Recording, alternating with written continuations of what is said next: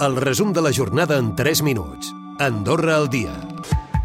poco tabú decir sufro de violencia. N'hi ha més de lo que sembla. I això, al segle XXI, no hauria d'existir. La generación de ahora eh, no se da cuenta. Moltes vegades eh, et diuen fes denúncia, comenta-ho, però realment no hi ha institucions que t'escoltin en aquest sentit.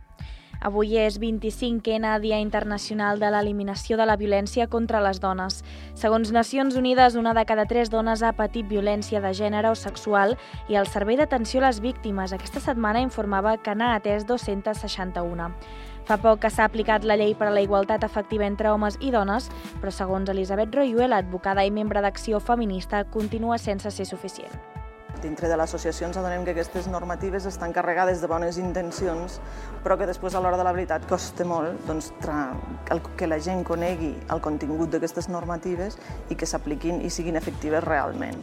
Per altra banda, l'Institut Nacional de l'Habitatge no preveu pressupost el 2024 per a importants tasques com tramitar les inscripcions al registre de sol·licitants d'habitatges de preu assequible. Sí que preveu la gestió i el manteniment de la Casa Aristot Mora de pisos socials i comptarà amb menys de 600.000 euros, una disminució del 30% respecte de l'any passat. I en l'àmbit sanitari, fins al març, la mascareta serà obligatòria a l'hospital, a les plantes d'hospitalització, a la unitat de cures intensives i a urgències. Així ho ha decidit el SAS per prevenir les infeccions respiratòries i protegir els pacients més vulnerables aquest hivern. I Andorra podria apropar-se als 100.000 habitants l'any 2035. Aquest és l'escenari més alt que preveu estadística en l'estudi de projecció de població. El creixement més important l'experimentaran els majors de 65 anys. També hi hauria una disminució del nombre d'immigrants de 4.200 l'any passat a 3.000 el 2035.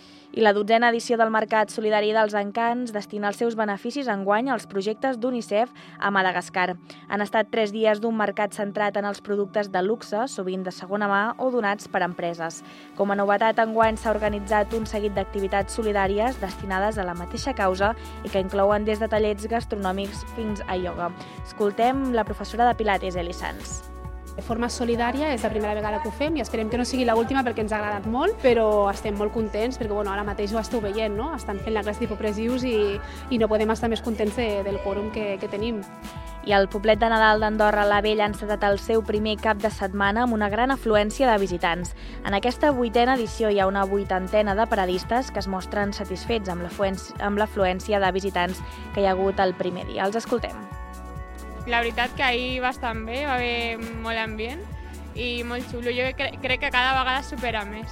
O sigui, m'ha- em va agradar molt bé, o sigui, es presenta bastant bé. La gent té ganes i ha vingut molt turista, sí. Jo crec que ens anirà bé. Pues ara el temps s'acompanya molt bé, la gent ja veus, el, eh, la pista de patinatge està plena i a poc a poc a veure com, com acaba el dia. Recupera el resum de la jornada cada dia a AndorraDifusió.d i a les plataformes de podcast.